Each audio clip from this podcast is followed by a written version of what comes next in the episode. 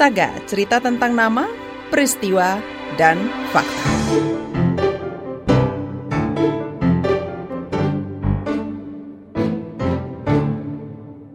Kasus suap yang menyeret 40 anggota DPRD Kota Malang, Jawa Timur membuat warga murka. Kekecewaan bermunculan. Bagaimana culasnya para wakil rakyat itu menilep anggaran daerah? Simak laporan reporter Eko Widianto dibacakan Fadli Gaper. Lantunan doa mengalir deras dari halaman gedung DPRD Kota Malang akhir Agustus lalu.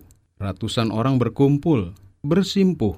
Mereka memanjatkan doa, meminta kepada Tuhan agar para pejabat di Kota Malang tak lagi korupsi. Penguasa yang kembali harus kita ingatkan, mereka harus kembali kepada tugas mulia mereka. Ketua Pengurus Nahdlatul Ulama Tiongkok yang tengah pulang ke Malang, Imron Rosadi memimpin doa dalam suasana temaram lilin di malam hari.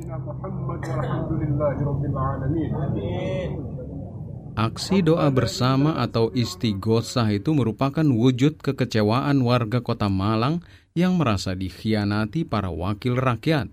Gara-gara suap, puluhan anggota DPRD Kota Malang secara bergelombang ditahan Komisi Pemberantasan Korupsi KPK.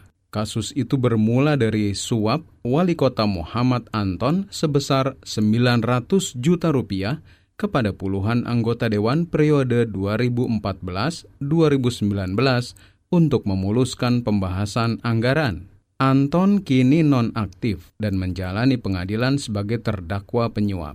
Salah seorang anggota DPRD Kota Malang yang menerima suap adalah Subur Triyono. Suap itu diterima dari Ketua DPRD Kota Malang saat itu, Muhammad Arif Wicaksono, pada bulan puasa menjelang Lebaran 2015. Dulu kan saya cuma pas itu cuma menjadi anggota. Kebetulan waktu itu pimpinan, pimpinan saya, fraksi, pimpinan fraksi saya itu. Masalah kebijakan dan lain-lain saya waktu itu nggak nggak ngerti apa kesepakatannya seperti apa ya kalau dulu waktu itu nilainya ya 12 setengah itu ya dan mungkin sekarang kan ada perkembangan-perkembangan yang lain yang masih di apa di periksa. Pada awal-awal KPK menyelidiki kasus ini, semua anggota dewan kompak membantah ada uang yang mengalir. Namun, Subur takut dan keder setelah berbagai bukti dan dokumen menunjukkan siasat curang itu.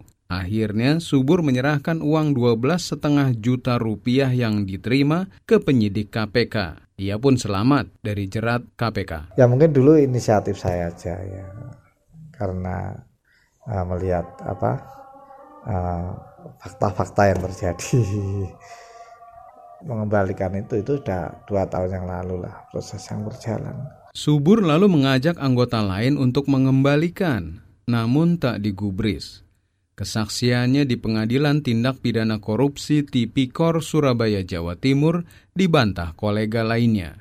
Sementara itu, Abdurrahman yang menjadi anggota DPRD Kota Malang melalui proses pergantian antar waktu atau PAW selamat lantaran dianggap orang baru dan tidak masuk pusaran suap penyuap itu. Ya jelas itu sekat ya, saya nggak nggak boleh ikut itu, nggak pernah. Ngobrol yang yang berkaitan dengan itu? Mereka saya keluar. Apa maaf ini intan kita. Kenapa tidak ikut? Di luar aja. Mereka selalu kalau ada saya saya menghormat saya duduk keluar. Saya juga menghormat itu. Penahanan anggota DPRD Kota Malang terjadi sejak akhir 2017 hingga September ini dalam tiga tahap. Dimulai penahanan Ketua DPRD Arif Wicaksono Disusul rombongan kedua sebanyak 18 anggota DPRD masuk tahanan KPK dan kloter ketiga sebanyak 22 anggota. Total, dalam tiga gelombang, ada 40 anggota DPRD Kota Malang menjadi pesakitan KPK. Gedung DPRD Kota Malang pun lumpuh, hanya menyisakan lima anggota yang selamat. Janji sebagai anggota Dewan Perwakilan Rakyat Daerah Kota Malang pengganti antar waktu masa keanggotaan. Sempat lumpuh sepekan, gedung DPRD Kota Malang kembali beraktivitas dengan pelantikan 40 anggota DPRD baru melalui mekanisme pergantian antar waktu. Pelantikan dilakukan Gubernur Jawa Timur Soekarwo disaksikan Menteri Dalam Negeri Cahyo Kumolo. Salah seorang anggota dewan yang baru dari Partai Golkar, Retno Marawati menilai koleganya terjerat kasus korupsi karena kesalahan sistem. Mungkin karena dampak dari sistem ya. Dampak dari sistem saya kira tidak semuanya itu bersalah ya. Usai dilantik, sebagian besar anggota DPRD baru itu bertekad tidak mengulang kasus yang membelit anggota lama.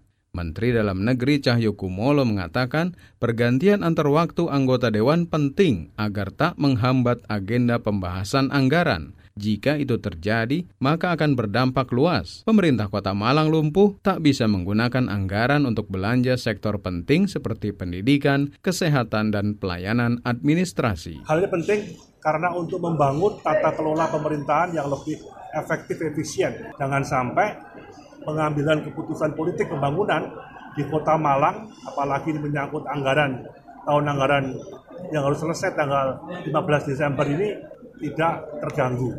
Cahyo Kumolo mengajak anggota dewan untuk menjauhi korupsi serta mengelola pemerintahan secara transparan dan akuntabel agar kasus serupa tak kembali terulang. Wakil Koordinator Badan Pekerja Indonesia Corruption Watch ICW Agus Sunaryanto menilai korupsi secara berjamaah di Malang terjadi karena kegagalan kaderisasi partai politik.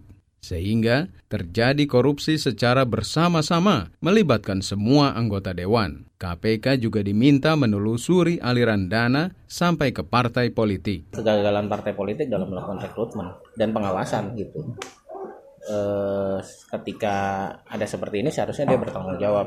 Nah, harus declare sama-sama semua kita pecat. Kini, anggota dewan harus bekerja keras secara maraton menyelesaikan penyusunan APBD Perubahan 2018 dan APBD Induk 2019. Selain itu juga melakukan tugas legislasi menyusun sejumlah peraturan daerah. Laporan ini disusun Eko Widianto. Saya Fadli Gaper.